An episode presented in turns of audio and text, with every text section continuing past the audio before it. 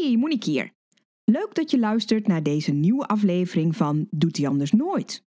Ik ga het in deze aflevering met je hebben over een van de grootste onzinverhalen die rondgaan in hondenland. En dat is het idee dat een hond dominant is of zou willen worden. Iedereen die dat zegt is niet deskundig of professioneel op het gebied van hondengedrag. Ik weet het, dat is nogal een boute uitspraak. Maar in deze podcast leg ik je uit waarom ik dat zo stellig durf te zeggen. Shh, Griffin. Ik ben aan het opnemen. Doet hij anders nooit. Herken je dit? Dat je dit zegt of denkt op het moment dat je hond iets doet? En kun je hem ook wel eens achter het behang plakken? Ben je dol op hem, maar word je ook wel eens een beetje gek van wat hij soms kan doen? In deze podcast Doet hij anders nooit vertel ik elke week waarom je hond dat doet hoe dat komt dat hij het blijft doen, of misschien ook wel niet. En natuurlijk wat je eraan zou kunnen doen. Ik ben Monique Bladder, gedragstherapeut voor honden. En net als jij heb ik zeker niet de perfecte honden, maar wel de allerleukste. Ondanks dat ze soms dingen doen die ze anders nooit zouden doen. Ik had eigenlijk een heel ander onderwerp in gedachten voor vandaag. Maar na het zoveelste mailtje dit weekend over dit onderwerp was daar het Eureka-moment. Deze aflevering moest gaan over dominantie. Ik geef er drie uur durende lezingen over, maar wees maar niet bang. Zo lang ga ik je niet met dit onderwerp bezighouden in deze podcast. Maar ik duik wel even de diepte met je in. Dat doe ik aan de hand van een voorbeeld van mijn nichtje dat zo'n half jaar geleden aan een pup begon. Ze was niet opgegroeid met honden, maar had nu samen met haar gezin met drie kinderen de keuze gemaakt om een hond in huis te nemen. Het zit blijkbaar ook een beetje in de familie. Ze hadden zich goed voorbereid, maar waren echt beginnende hondenmensen. Na een aantal dagen, nog voordat ik al op zeg maar kraamvisite was, kwam het eerste berichtje. Luca blafte s'nachts in de bench. Ze had mijn advies al opgevolgd om naast de bench te gaan liggen op een matras gedurende de eerste nachten of om het hondje mee te nemen naar boven. Het was het eerste geworden. Ze sliep naast hem op een matras in de keuken. En ze had zich de afgelopen nachten elke keer een klein stukje verder bij Luca vandaan verplaatst, maar ze was nog wel in de ruimte. Maar op een gegeven moment was ze dus niet meer in zicht van Luca en Luca begon te blaffen. En, dacht mijn nichtje, wat moet ik hier nu mee? Want daar kwam het moment. Het moment dat je waarschijnlijk wel als beginnende hondeneigenaar nog wel weet, of misschien hè, als je daaraan terugdenkt. Um, want dat was het moment waar, waarop ze door haar omgeving overspoeld werd met allerlei adviezen. Ze moest maar op de bench slaan. Ze moest hem maar negeren. Maar waarom sliep ze er dan toch naast? Want dan werd hij toch de baas. Dat was toch logisch, want hij was dominant. Herken je dat? Misschien uit je ervaringen met je allereerste hond. Of misschien zelfs wel met honden met twee, drie of acht. Of nou ja, hoeveel je er al hebt gehad. Iedereen in je omgeving heeft wel een idee over wat de oorzaak is van wat er op dat moment speelt. En heel vaak is de oorzaak hij is dominant of, wordt er gezegd, pas maar op, want anders wordt hij dominant. En laat ik dus gelijk zeggen, dat is de allergrootste kolder die er bestaat. Waarom ik dat zeg en wat er dan wel aan de hand is, vertel ik je verderop in deze aflevering. Maar dit statement wilde ik alvast maken. En waarom? Nou, om het geleuter dat een hond iets doet omdat hij dominant is, heel vaak juist leidt tot problemen. Het is heel vaak de oorzaak van bijvoorbeeld agressie of van angst. Dat zie ik in de praktijk, maar dat blijkt ook uit allerlei wetenschappelijk onderzoek. Mensen die het idee hebben dat hun hond dingen doet omdat hij dominant is, krijgen ook vaak het advies om hun hond fysiek te corrigeren. Want je moet toch niet pikken dat hij puntje, puntje, puntje doet. Of je moet hem wel aanpakken hoor, want hij moet toch wel weten dat. Uh, of een andere. Je moet er wel bovenop zitten, want anders heeft hij geen respect voor je. En het leidt er vaak toe dat mensen bijvoorbeeld een harde ruk geven aan de lijn, dat ze hun hond in het nekvel pakken, of dat ze hun hond op hun zij of op hun rug leggen. Want, zo wordt beweerd in sommige televisieprogramma's, dat is de manier waarop je je hond laat weten dat niet hij, maar jij de baas bent. En uit onderzoek blijkt dat het werken met dergelijke fysieke correcties het risico vergroot op agressie en op angst. Bovendien zorgt het ervoor dat je hond jou niet of veel minder vertrouwt. En vergeet natuurlijk niet dat het kan leiden tot schade aan je hond. allemaal hele goede redenen om niet met die fysieke correcties te werken. En het mooie is, het is dus helemaal niet nodig. Want jouw hond is helemaal niet dominant en hij wil het ook zeker niet worden. Toen ik dit vertelde aan mijn nichtje, droop alle opluchting uit haar uh, pb'tje wat ze mij stuurde. Want ze had toch echt het idee dat ze Luca hard en streng aan moest pakken. Ja, en dat kreeg ze eigenlijk niet zo heel erg goed over haar hart. Als ze keek naar die uh, mooie grote bruine puppyogen in dat hele kleine lijfje. En ze was dus heel erg opgelucht toen ik haar het verhaal vertelde zoals ik jullie dat nu vertel. En meestal als ik dit verhaal vertel, zijn er twee reacties mogelijk. En de eerste reactie is dat iemand in de weerstand schiet. Ja, maar die en die zegt dat en dat. De andere reactie is eigenlijk de reactie zoals die van mijn nichtje. Een eigenaar die opgelucht is. Het gevolg van het feit dat je geen dominante hond hebt, of de realisatie dat je hond niet de hele tijd bezig is om de baas te worden, is dat je ook weer gewoon leuk met je hond kunt omgaan. Je hoeft je niet de hele dag zorgen te maken over of dit wel mag, want anders wordt hij de baas. Of dat je jezelf op je kop moet geven omdat je niet streng genoeg bent. Lekker hè, als je daar niet meer over na hoeft te denken. Dat betekent overigens zeer zeker niet dat je je hond maar mag laten doen waar die zelf zin in heeft en dat je hond ook helemaal nergens rekening mee hoeft te houden. Laat ik daar heel duidelijk in zijn. Want dat kan niet de bedoeling zijn en het is ook nog niet eens niet fijn voor je hond. Maar ook daar ga ik later nog wat meer over vertellen. Als ik zo tekeer ga over het geroep over de dominante hond, moet ik dat op zijn minst beargumenteren. Zou ik zelf tenminste vinden als ik iemand dit soort stellige uitspraken zou horen doen. En voordat ik dat ga doen, is het belangrijk je te realiseren dat ik het dus heb over dominantie zoals men, en ik maak nu zo van die aanhalingstekens met mijn vingers, dat in hondenland gebruikt. Vanuit het idee dat je hond bij wijze van spreken vanaf het moment dat hij zijn ogen en oren open heeft als pup, bezig is met de baas te worden.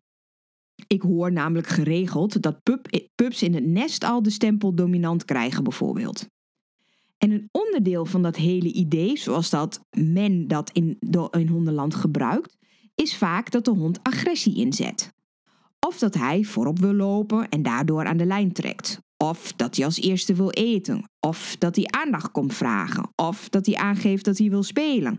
Of dat hij op de bank wil of hoger wil liggen. Dat hij tijdens de wandeling geregeld zijn poot optilt.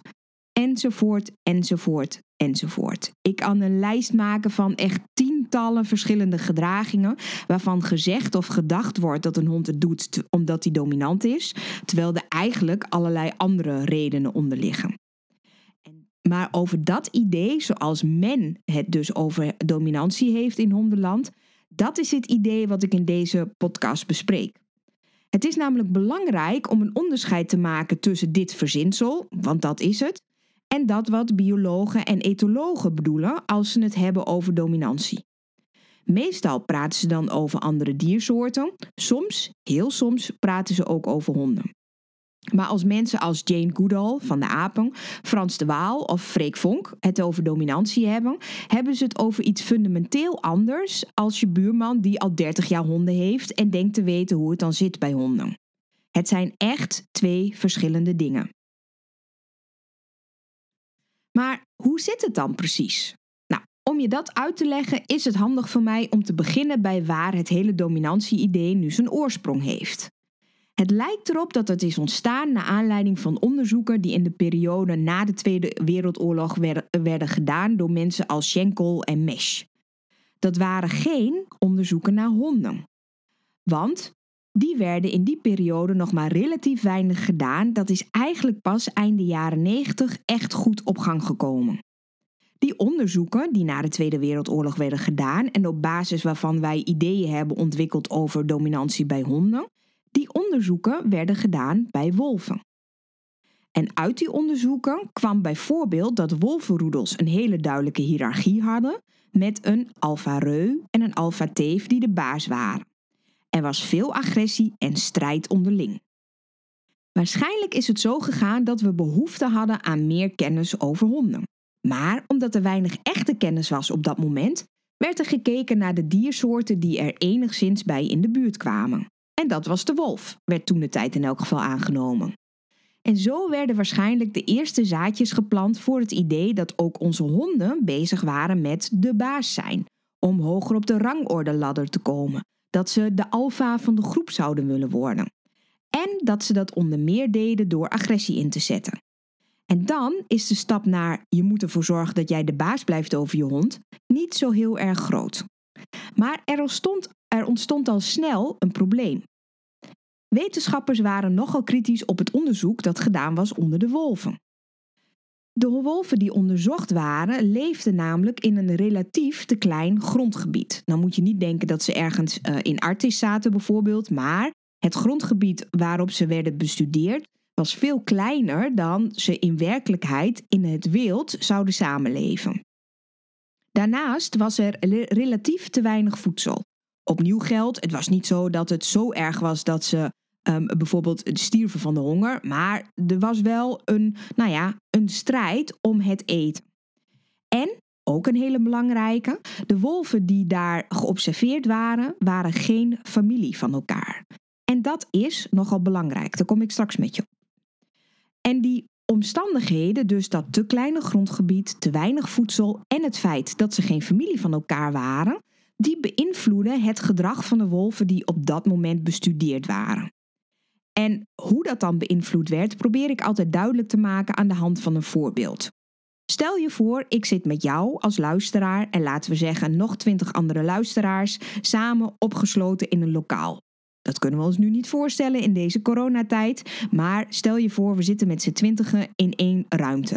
En één keer in de week komt er door een specifiek um, luik komt er een stokbroodje. We kunnen verder die hele week het hele, uh, die, dat hele lokaal niet uit. Eén keer in de week komt er door het raam een stokbroodje. Ik vind jullie vast allemaal heel erg aardig. Ik vind het sowieso al heel erg fijn dat je naar deze podcast luistert. Um, maar ik zal er alles op alles zetten om ervoor te zorgen dat ik dat ene stokbroodje krijg. Want dat is voor mij heel erg essentieel. En het feit dat ik jullie niet echt persoonlijk ken en niet echt een band met jullie heb, beïnvloedt hoe ik mij daarin gedraag. Want stel je voor, ik zou in diezelfde ruimte zitten met Alex, mijn partner, mijn eigen honden, met mijn ouders, met mijn zusje, met mijn nichtjes, mijn beste vrienden, dan zou mijn gedrag heel anders zijn dan zou ik zeer zeker in de eerste periode, waarin ik wel honger heb, maar daar nog niet door het loodje leg, zou ik zeker dat stokbroodje gaan verdelen um, en gunnen aan anderen. Aan mijn honden, aan mijn nichtjes waarschijnlijk. Um, maar in elk geval aan degenen die het minst sterk zijn.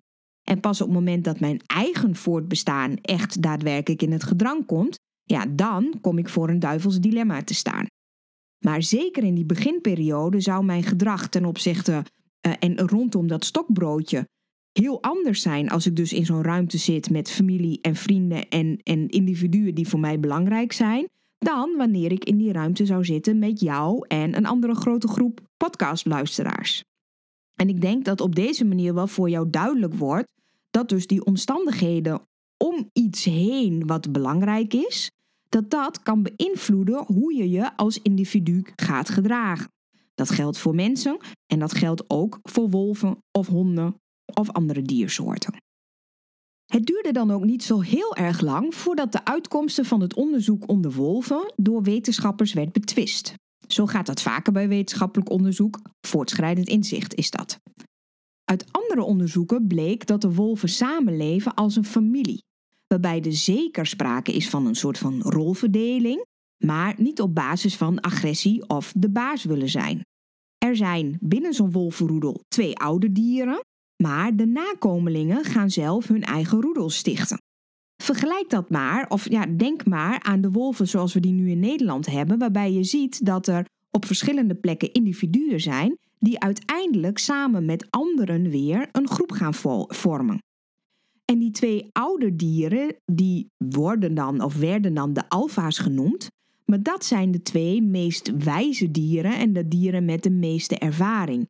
En dat betekent zeker dat zij een leidende functie hebben binnen zo'n groep, Maar ik vergelijk dat altijd met een gezond, goed functionerend mensengezin. Daar in zo'n mensengezin is ook één of twee volwassen nou individuen, zeg maar, volwassen dieren, twee volwassen mensen, die het voortouw nemen in de hele dagelijkse gang van zaken binnen zo'n gezin.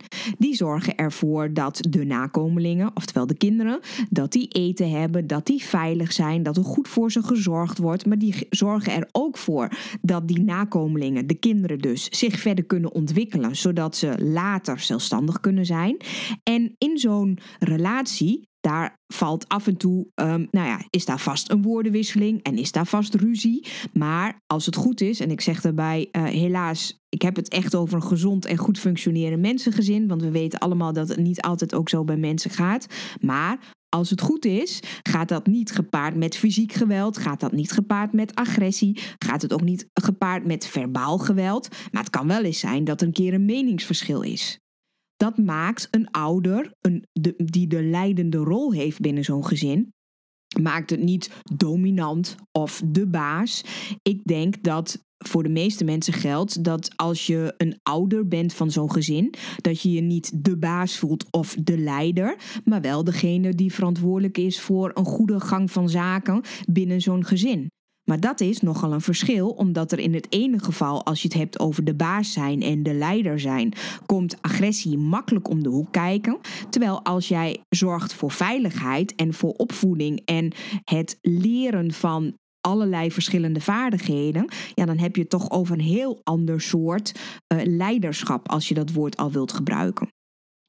En als je dan dus nadenkt over het feit dat wolvenroedels in het wild dus groepen dieren zijn die aan elkaar gerelateerd zijn, die dus familie van elkaar zijn, is het ook nogal wiedes dat je elkaar niet om het minste of geringste um, de strijd aangaat met de dood als gevolg. Laat ik het maar even dramatisch zo noemen. Want ja, je wilt als gezin zijnde, als, als familiegroep zijnde, dat jouw genen worden doorgegeven. Dat is de hele basis van uh, de biologie. En ik zeg altijd Darwin, je weet wel, die van de evolutietheorie. Die zou zich omdraaien in zijn graf als hij ons hoort praten over het idee dat wolven binnen een groep elkaar om het minste of geringste heftig zouden bevechten, omdat ze daarmee de baas zouden willen worden. Dat strookt totaal niet met het idee dat je binnen zo'n groep dieren je eigen genen zoveel mogelijk doorgeeft. Nou ja, goed. Dat gaat over wolven. En ik zeg altijd, ik weet veel over honden en lang niet zoveel over wolven. En dat komt ook omdat honden en wolven niet hetzelfde zijn. Dat is namelijk het tweede stuk op basis waarvan je kunt zeggen: oké, dat hele idee op basis waarvan wij uh, in hondenland het dominantieconcept ontwikkeld hebben, dat klopt eigenlijk helemaal niet. Dat is drijfzand. En dat heeft ermee te maken dat dus de herkomst van de wolven die wij onderzocht hebben, die is waarschijnlijk anders dan de voorouders van onze honden. De voorouders van onze honden zijn namelijk hoogstwaarschijnlijk niet de wolven die wij onderzocht hebben. En ik vind dit zelf altijd een tikkeltje ingewikkeld. En ik verwijs daarvoor ook altijd graag naar het boek Dit is de hond van John Bradshaw. Want die vertelt daar uitgebreid over in dit boek. Uh, maar de conclusie daarvan is, is dat je de wolven die wij onderzocht hebben in die diverse onderzoeken, die kun je niet zomaar één op één beschouwen als de voorouder van onze hond. En dus mag je ook niet zomaar één op één de dingen die wij zien bij wolven verplaatsen en overzetten naar onze honden. Die twee zijn al zo ver uit elkaar gegroeid in hun hele um, zijn en gedrag en de manier waarop zij leven, dat je dat niet zomaar één op één kunt doorzetten. Je kunt ze er zeker naar kijken en er zeker informatie uithalen en er zeker iets over leren. Maar dat is iets anders dan zeggen: oké, bij wolven doen ze het zus, dus bij honden gaat het zo. En dat is hetzelfde. En ik vergelijk het altijd maar, het is misschien ook een beetje een gek vergelijk, maar het maakt het wel duidelijk. Um, wij hebben voor 98 of 99 procent hetzelfde DNA als chimpansees. Stel je nou voor, ik zei al, een gek voorbeeld, maar stel je nou voor, er komen uh, buitenaardse wezens en die wilden, willen eigenlijk heel graag ons gedrag observeren. Maar ze zijn bang dat ze ontdekt worden, dus wat doen ze? Ze denken, oh, die chimpansees, dat is voor 98, 99 procent hetzelfde DNA als de mens. We gaan naar die chimpansees kijken, dat doen we, dat zetten we gewoon één op één, kunnen, weten we dan ook hoe het zit bij mensen. jij weet, ik weet, dat er zeker um, overeenkomstige dingen te vinden zijn in het gedrag van chimpansees en in ons gedrag. Maar er zijn ook zeker verschillen. En je, dus kun, je, je kunt dus niet zomaar zeggen: oké, chimpansees doen het zo, dus mensen doen het ook zo. Dus het lijkt een heel klein detail, maar het is een heel belangrijk stuk van de puzzel. Nou, en als je dan kijkt waar onze honden dan precies wel vandaan komen en hoe onze hond dan geëvolueerd is uit de wolf, want de wolf heeft daar zeker een aandeel in. Maar um, nou ja, zoals gezegd, het is niet mijn expertise, dus ik ga me daar niet exact mijn vingers aan branden. Maar je kunt niet zomaar zeggen: oké, de wolf is de voorouder van onze hond. En als je dan kijkt naar biologen en etologen, die zijn onderling ook nogal uh, van elkaar uh, verschillen ze van mening daarover. Zo heb je bijvoorbeeld Ray Coppinger. Hij is inmiddels helaas overleden, maar het was uh, ook een bioloog die ook uitgebreid onderzoek deed naar honden en naar hun gedrag en daar ook verschillende boeken en zo over geschreven heeft. En zijn stelling is dat er uiteindelijk binnen de wolvenpopulatie, en dan hebben we het echt over duizenden jaren geleden, dat daar um, iets in de genen gemuteerd is. Zoals dat, nou ja, vaker gebeurt bij individuen. Ik denk dat we rondom deze tijd, uh, rondom coronatijd, al uh, van alles gehoord hebben over mutaties. Dat is iets wat bij een individu hoort. Of het nou een virus is, of bij een mens, of bij een hond, of bij een wolf, of nou ja, zo. Maar Koppentje zegt en gaat ervan uit dat er ooit bij de wolven een genmutatie geweest is, die ervoor gezorgd heeft dat wolven meer in onze nabijheid durfden te leven. Want wolven zijn van nature mensenschuw. Ze komen het liefst niet bij mensen in de buurt. Coppinger poneert de stelling dat er dus een genmutatie geweest is, waardoor de wolven beter en makkelijker in de buurt bleven van mensen dat ze daar ook al gebruik hebben gemaakt van bijvoorbeeld rotzooi en afvalresten wat wij lieten liggen, zodat ze zich makkelijker uh, konden blijven voortbestaan. En dat die wolven zich ook in de, in de buurt van de nederzettingen van mensen meer en makkelijker met elkaar hebben kunnen voortplanten, waardoor die genmutaties werden doorgezet. En dat op basis daarvan uiteindelijk onze hond ontstaan is. Zijn stelling is: ik kan me niet voorstellen dat um, mensen die toen de tijd leefden met hele andere dingen aan hun hoofd dan uh, wat wij tegenwoordig aan ons hoofd hebben, dat die bezig waren en de kennis hadden van hoe je bepaalde um, wolfdieren met elkaar zou kunnen paren om ervoor te zorgen dat je daar uiteindelijk weer een betere wolf uit zou kunnen krijgen die ons als mensen zou kunnen helpen. Koppentje zegt, die mensen hadden daar gewoon de tijd niet voor en ze hadden daar de kennis niet voor. En als je kijkt wat je moet weten om succesvol um, uh, bepaalde genen door te kunnen geven. Ja, hij zegt, ik denk niet dat mensen dat toen de tijd wisten en konden. Nou ja, er is een hele leuke video waarin, dat, waarin hij dat uitgebreid uitlegt. En daarin in die video hoor je ook nog het, um, de andere kant van een verhaal of een andere visie, zo kan ik het beter benoemen uh, van James Serpel. En ik zal, en dat vertel ik je even aan, in het outro wel van, uh, van deze podcast, even zeggen waar je die video ook kunt vinden. Want het is een interessante video om naar te kijken als je meer wilt weten over hoe er dan biologisch en etologisch naar uh, wolven wordt gekeken en wat de relatie is met honden. Wat je in die video ook kunt zien, is dat er een heel duidelijk verschil is tussen domesticatie en tam zijn. Nou, wat is nou domesticatie? Domesticatie wil zeggen dat een dier in staat is om met ons mensen samen te leven. Dat is iets anders dan dat een dier tam is. Als een dier tam is, betekent dat het niet, even heel plat gezegd, niet heel hard wegrent op het moment dat wij in de buurt zijn. Dus dat ze het tolereren dat wij in de buurt zijn. Maar in de buurt zijn is nog wel iets anders dan ermee samenleven. Nou ja, ook dat wordt in die video Um, waar ik het net al over had, wordt dat uitgebreid toegelicht. Dan kun je dat ook heel erg mooi zien. En wat je daar in die video ziet, is bijvoorbeeld dat um, er in een wolvenpark, wat, waar mensen 24 uur per dag bijvoorbeeld met wolvenpups samenleven, dat je dan nog op het moment dat die pups volwassen zijn, heel erg moet oppassen in je eigen gedrag en wat je doet, omdat een wolf daar anders eventueel met agressie op zou kunnen reageren. Dat betekent dus dat die wolven wel tam zijn, maar niet gedomesticeerd.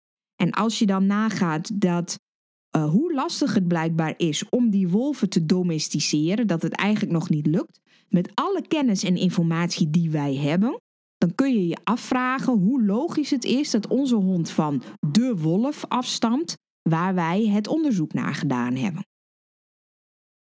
Kortom, lang verhaal kort.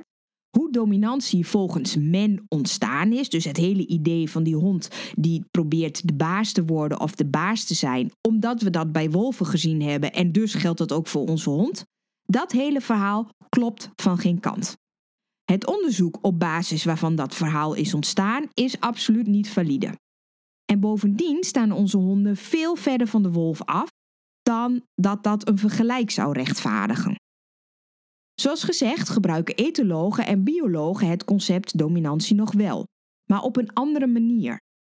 Zo gaat dominantie die wel wetenschappelijk onderbouwd is over relaties. Het ene individu kan zich alleen dominant gedragen ten opzichte van de ander als die twee elkaar kennen.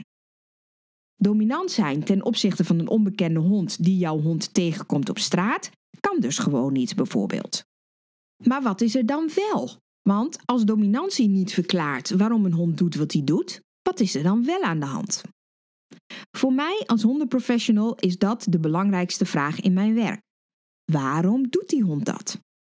En het simpele antwoord is, is dat je dat nooit met één zin of met één verklaring kunt uitleggen. Voor jou als hondeneigenaar misschien niet altijd even simpel. Voor mij wel fijn, maar anders had ik geen werk. Ja, dat is natuurlijk een geintje, maar ik hoop daarmee aan te geven dat het niet zo simpel is als dat je kunt zeggen: oh, hij doet dat omdat hij dominant is. Als je gedrag van een hond wilt verklaren, is er een aantal verschillende dingen waar je naar moet kijken. Als allereerste, hoe voelt de hond zich? Wat is zijn onderliggende emotie? En dat kan van alles zijn. Dat kan angst zijn, dat kan boosheid zijn, dat kan spel zijn. Er kunnen allerlei verschillende emoties onder liggen. Ik heb over die emoties eerder een uitgebreide podcast opgenomen. Dus als je meer wilt weten over emoties, ga dan daar vooral naar kijken. De boodschap van het verhaal is, het motto van dat verhaal is dat bijna bij alles wat een hond doet, zit daar wel een bepaalde emotie onder of achter. In elk geval op het moment dat het gedrag is waar wij als eigenaren zijnde um, hinder van hebben, wat voor ons eventueel een probleem is. En heel vaak is dat dan ook voor de hond een probleem, omdat hij zich vervelend voelt, omdat hij boos is, omdat hij bang is. Dat is, net zoals dat voor ons geen fijne emotie is, geldt dat voor je hond ook. Dus vraag je eigenlijk altijd af: hoe zou mijn hond zich in deze situatie voelen? Waarom doet hij wat hij doet? Dat is het allerbelangrijkste. Daar begin je mee. Vervolgens, waar je ook naar kunt kijken, is: is er op het moment dat de hond het gedrag laat zien, iets wat voor hem heel erg belangrijk is? Dat noemen we een resource. Het is altijd een beetje lastig om dat te vertalen, maar waar moet je dan aan denken? Denk bijvoorbeeld aan voer, denk aan een bepaald speeltje, Denk aan aandacht, denk aan een bepaalde lichtplek, denk aan toegang tot een geur. Dus dingen die voor jouw hond belangrijk zijn. En misschien vindt jouw hond dat ding, dat iets wel zo belangrijk dat hij daar eventueel ruzie met je over wil maken. Of met jou of met iemand anders die die kent. Um, en dat is het verhaal rondom de resource.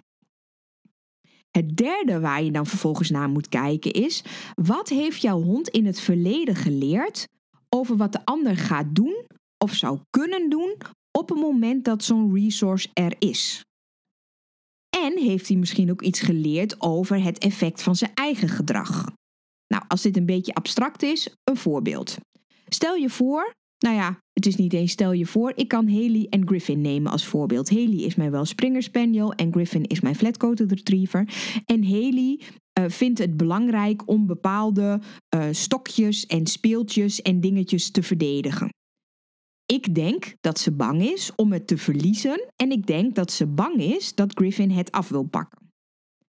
Ze heeft inmiddels geleerd dat inderdaad, als hij als Haley een stokje heeft, dat de kans bestaat dat Griffin dat af zou willen pakken. Dus wat doet Haley soms? Op het moment dat ze een stokje heeft en Griffin komt in de buurt, dan begint ze te grommen. En ze heeft inmiddels dus ook geleerd dat als zij gromt, dat Griffin afstand neemt. Ik wilde bijna zeggen dat Griffin denkt dat, maar ik weet natuurlijk niet wat hij denkt. Maar ik kan wel zien dat Griffin op zo'n moment afstand neemt. Daarmee is Haley niet dominant over Griffin. Wat er wel aan de hand is, is dat Haley een stokje zo belangrijk vindt dat ze daarover eventueel ruzie wil maken met Griffin om te voorkomen dat ze dat stokje verliest. En ze heeft geleerd dat als zij een stokje heeft, dat het inderdaad zo kan zijn dat Griffin dat wil afpakken. En ze heeft ook geleerd dat als ze gaat grommen, dat het ervoor zorgt dat Griffin wegblijft. Dat is de verklaring waarom zij doet wat ze doet. Ja, en dat is dus iets anders dan de relatief makkelijke conclusie trekken: oh, maar Haley is dominant. Want Haley is helemaal niet dominant tussen haakjes.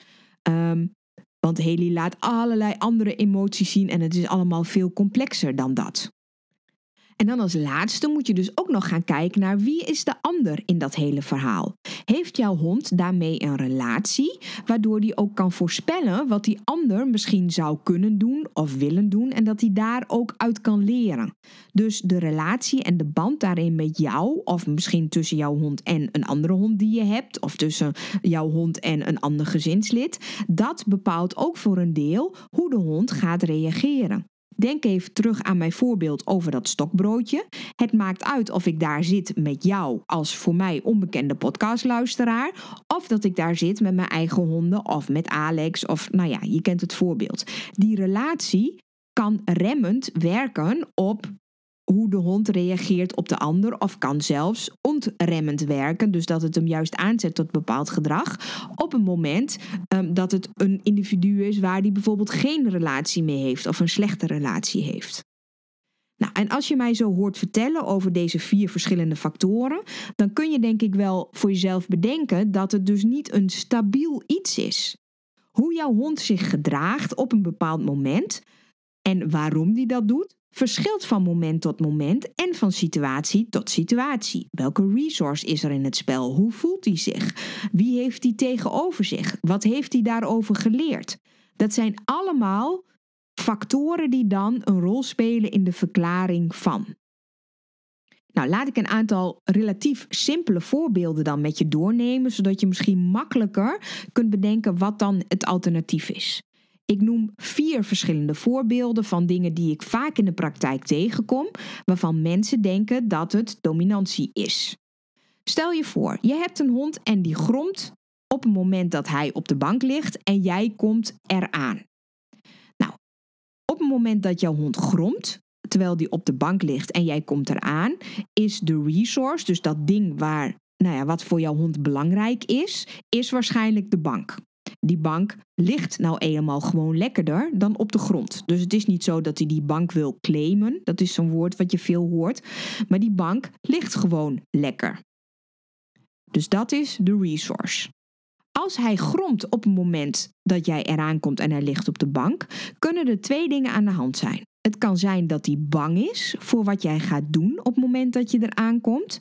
En het kan ook zijn dat hij boos is op het moment dat jij eraan komt. En dan maakt het heel erg uit hoe jij in het verleden ermee omgegaan bent op het moment dat jouw hond op die bank ligt. Als jouw hond op de bank ligt en jij zegt tegen hem: Oké, ga er maar af. En hij snapt het niet. En als gevolg daarvan pak jij hem bijvoorbeeld in zijn nekvel en je trekt hem dan van die bank af. Dan kan het zijn dat het feit dat jij eraan komt voor je hond gaat voorspellen dat er iets gebeurt wat hij heel vervelend vindt. Hij wordt bang voor je. En daarom gaat hij grommen. Als jij op dat moment je hand teruggetrokken hebt, kan het zijn dat hij geleerd heeft dat dat dus werkt. En dus gaat hij dat een volgende keer opnieuw doen. Laat ik even heel duidelijk zijn. Ik zeg zeker niet dat je niet je hand terug moet trekken op het moment dat een hond tegen je gromt. Als een hond tegen je gromt, moet je altijd stoppen met contact maken en altijd daarmee ophouden, want je loopt anders een groot risico op een bijtincident. Ja, dus laat duidelijk zijn, ik zeg hier zeker niet dat je door moet gaan omdat je hond anders um, iets leert. Je moet ervoor zorgen dat je eigenlijk nog voor het moment komt voor het grommen. Maar goed, dat is een ander verhaal. Maar dit punt wilde ik even duidelijk maken. Dus jouw hond vindt die bank belangrijk genoeg om daarover ruzie te maken met je. En misschien heeft hij dus in het verleden geleerd dat als je daar aankomt, dat hij gecorrigeerd wordt of dat er op hem gemopperd wordt. Of hij heeft geleerd dat hij van die bank af moet en dat wil hij niet en daarom gaat hij grommen. Ja, dus dat is, hij doet het dus niet omdat hij dominant is, maar hij vindt die bank belangrijk genoeg. Ja, en ik snap het wel, want een bank ligt toch echt wel een stukje fijner dan op de grond. Neemt niet weg dat ik vind dat hij daarvoor agressie in moet inzetten. Dat is een ander verhaal, maar ik snap wel waar het vandaan komt. Nou, een ander voorbeeld wat ik vaak hoor is dat mensen zeggen dat op het moment dat een hond um, aandacht wil, dat hij dan voor ze gaat zitten, dan gaat hij blaffen en dan krijgt zo'n hond heel vaak de stempel, ja, hij is dominant. Eerlijk is eerlijk, dat was eigenlijk de aanleiding om deze podcast op te nemen. Maar op het moment dat jouw hond aandacht wil, maakt hem dat niet dominant, dat maakt hem een sociaal dier. Honden zijn sociale dieren die behoefte hebben aan aandacht en ook behoefte hebben om daarin soms initiatief te tonen. Om tegen jou te zeggen: hey, hallo, kun je me even aandacht aan mij schenken? Zo gaat het waarschijnlijk niet in het hoofd, maar je snapt denk ik wel wat ik bedoel. Ehm, daarmee zeg ik niet dat je daar altijd op in moet gaan. Want als ik dat zou doen, dan zou ik ook de hele dag Haley en Griffin moeten aaien. En ik heb ook nog wel wat anders te doen. Zoals bijvoorbeeld een podcast op te nemen. Um, maar het is dus niet zo dat jouw hond met dat initiatief probeert om de baas te zijn. Het is een sociaal dier en ik krijg er altijd een beetje buikpijn van als ik mensen hoor zeggen dat je dat aandachtvragend gedrag moet negeren. Want hoe zou jij het vinden als sociaal dier als jij altijd maar binnen jouw gezin genegeerd wordt? Ik neem toch aan dat je daar niet heel erg blij van zou worden en ik weet zeker dat honden daar ook niet blij van worden. Dus Geef zeker ook op bepaalde momenten wel aandacht aan je hond op het moment dat hij daar initiatief toe toont, maar leer hem ook aan um, wanneer je daar even geen tijd voor hebt. Ik heb daar een commando voor klaar. Mijn honden weten als ik zeg klaar dat ik stop met aandacht geven. Nou, even terug naar het voorbeeld waarin het dus de stempel krijgt dat de hond dominant is als hij gaat blaffen en aandacht wil. Als eerste, hij doet dat dus gewoon omdat hij een sociaal dier is. Uh, hij heeft behoefte aan aandacht. En als hij geleerd heeft dat op het moment dat hij blaft, dat jij iets gaat doen, ook al is dat zelfs mopperen, dan heeft dat iets opgeleverd voor hem. Want jij, of jij geeft hem aandacht, in de vorm van positieve aandacht, of je geeft hem misschien negatieve aandacht door op hem te mopperen. Maar hé, hey, alles is beter als helemaal genegeerd worden, dus gaat je hond dat vaker doen. dus ook in dat geval geldt, je hond is zeker niet dominant, maar hij doet wat de ervaring hem leert en dat er een bepaalde behoefte is. Het is in dit geval niet heel strikt een bepaalde uh, emotie, alhoewel je, nee, daar ga ik nu niet, maar het is nu een, niet een hele specifieke emotie, maar er zit wel een bepaalde behoefte onder. Het is dus geen dominantie. Een ander voorbeeld wat ik heel vaak hoor is dat mensen zeggen: ja, de hond plast zoveel tijdens de wandeling, hij markeert en dus is hij dominant. Nou, als eerste is dat simpelweg een manier om met de buitenwereld te communiceren over ik ben hier geweest. En die informatievoorziening is voor honden onderling gewoon heel erg belangrijk. Je hond probeert dus niet de baas te worden, ehm, maar die probeert gewoon informatie te verzamelen en te vergaren aan zijn omgeving, heeft dus niks met dominantie te maken. Nou, en dan als laatste een voorbeeld, want ik kan uren hierover doorgaan met voorbeelden. Maar het verhaal van een hond die als eerste wil eten en misschien zelfs gromt op het moment dat hij naar zijn eten, eh, dat er iemand in de buurt wil komen van zijn eten. Nou, het eten is dan de resource. En de onderliggende emotie is waarschijnlijk gewoon simpelweg trek hebben in iets.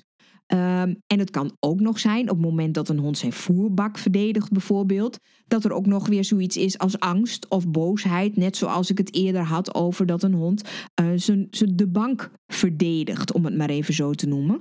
Dat eten is voor hem heel belangrijk en het kan zijn dat hij zich zorgen maakt over wat jij gaat doen op het moment dat je in de buurt blijft of komt van die voerbak. Ja, dus op deze manier zie je dus dat er allerlei andere verklaringen zijn te bedenken voor normaal hondengedrag. Grommen als een hond op de bank ligt is bijvoorbeeld iets wat natuurlijk ongewenst is, maar niet abnormaal. Want grommen, agressie, is iets wat bij honden hoort. En realiseer je dat als een hond gromt, als een hond agressie inzet, dat hij dat eigenlijk bijna nooit doet omdat hij zich op dat moment prettig voelt. Heel soms, als er sprake is van spel, dan kan het wel. En bij prooiagressie, maar dat is een ander verhaal. Meestal, als een hond agressie laat zien, doet hij dat omdat hij zich vervelend voelt. Goed, het feit dat je hond dus niet dominant is of probeert te worden, betekent niet dat je geen regels moet hebben. Regels zijn belangrijk. Want regels zorgen ervoor dat een hond kan voorspellen wat er in zijn omgeving gaat gebeuren en wat er niet in zijn omgeving gaat gebeuren. En die voorspellende waarde zorgt voor minder stress. Ik denk dat in deze coronatijd een van de dingen die heel veel stress veroorzaakt, is het feit dat we niet weten hoe lang we nog aan al deze maatregelen moeten voldoen. Als we, zouden we zeggen, weet ik veel, 1 december zeker zouden weten dat we overal van af zouden zijn, dan is dat denk ik voor een heleboel mensen nog steeds heel erg zwaar. Maar het feit dat het voorspelbaar wordt en dat je weet waar je aan toe bent, dat maakt dat het beter is om te handelen omdat we dus niet precies weten tot hoe lang het duurt en hoe het zich gaat ontwikkelen en wanneer nou precies wat gebeurt, dat kan onder meer voor stress zorgen. En dat is dus ook zo het geval bij honden. Hoe meer voorspelbaar, hoe minder stress. En hoe minder stress, hoe minder probleemgedrag. Dus zorg dat je regels hebt als gezin zijnde. Of je hond nou wel op de bank mag of niet op de bank mag. Als ik heel eerlijk ben, het zou mij een zalige zorg zijn zolang je maar niet een beslissing neemt op basis van het idee dat je hond anders misschien de baas wordt of probeert te worden. Als je liever niet hebt dat je hond op de bank komt omdat je een witte bank hebt, omdat je een stoffenbank hebt, uh, omdat je bank te klein is, helemaal prima. Dan laat je hem niet op de bank. Helemaal goed. Maar doe dat dus niet omdat je denkt dat hij anders de baas wordt, want dat is dus echt larikoek. Dit is een wat lange podcastaflevering geworden, dus ik heb deze week geen vraag van de week. Volgende week wel natuurlijk weer. Um, en als je vragen hebt, mail ze dan vooral naar contact.moniquebladder.nl. In deze aflevering heb ik het een en ander verteld over een veelgebruikt onzinverhaal binnen hondenland, namelijk het verhaal over dominantie. De basis waarop het ooit ontstaan is, kan de prullenbak in. Maar helaas wordt het idee dat je hond de baas wil zijn nog steeds volop gebruikt. Terwijl in de basis het meeste gedrag veroorzaakt wordt door een onderliggende emotie, zoals angst of boosheid, of misschien positieve emoties, zoals bijvoorbeeld spel. Resources, dus denk aan voer of een lichtplek of aandacht, of nou ja, zo zijn er een aantal te bedenken. Leerervaringen en wie degene is op wie het gedrag zich richt, zijn ook nog belangrijk als je wilt verklaren waarom je hond doet wat hij doet. Maar ik kan je garanderen, hij doet het niet omdat hij de baas is of zou willen zijn. Wil je hierover nog meer weten? Wil je hier echt heel diep ingaan? Lees dan het boek Dit is de hond van John Bradshaw. Of ga naar de website vriendvandeshow.nl slash doet hij anders nooit, gewoon helemaal aan elkaar. Daar kun je een aantal artikelen downloaden en staat de link naar de video waarin onder meer Ray Coppinger zijn visie geeft op hoe onze hond nu eigenlijk is ontstaan. Daar kun je dus nog meer informatie krijgen. Op vriendvandeshow.nl slash doet hij anders nooit kun je ook doneren. Als je mijn podcast waardeert en mijn werk steunt, kun je 2,50 per maand geven. Hoeft niet, want je kunt het natuurlijk ook gewoon gratis blijven beluisteren. Maar als je het wel doet, ben ik je dankbaar. Op de website van Vriend van de Show kun je dan vervolgens ook nog je reacties plaatsen, je vragen stellen, audioberichtjes achterlaten of me alleen maar een high five geven. Vind ik hartstikke leuk. Bedankt dat je hebt geluisterd naar Doet hij anders nooit. Ik hoop dat ik jou en je hond wat verder heb geholpen. Wil je geen enkele Doet hij anders nooit missen? Abonneer je dan op mijn podcast en nog beter, laat een review achter. Zou ik super blij mee zijn. Wil je dat ik jouw vraag ook beantwoord in deze podcast? Mail dan naar contact@moniquebladder.nl. Tot volgende week.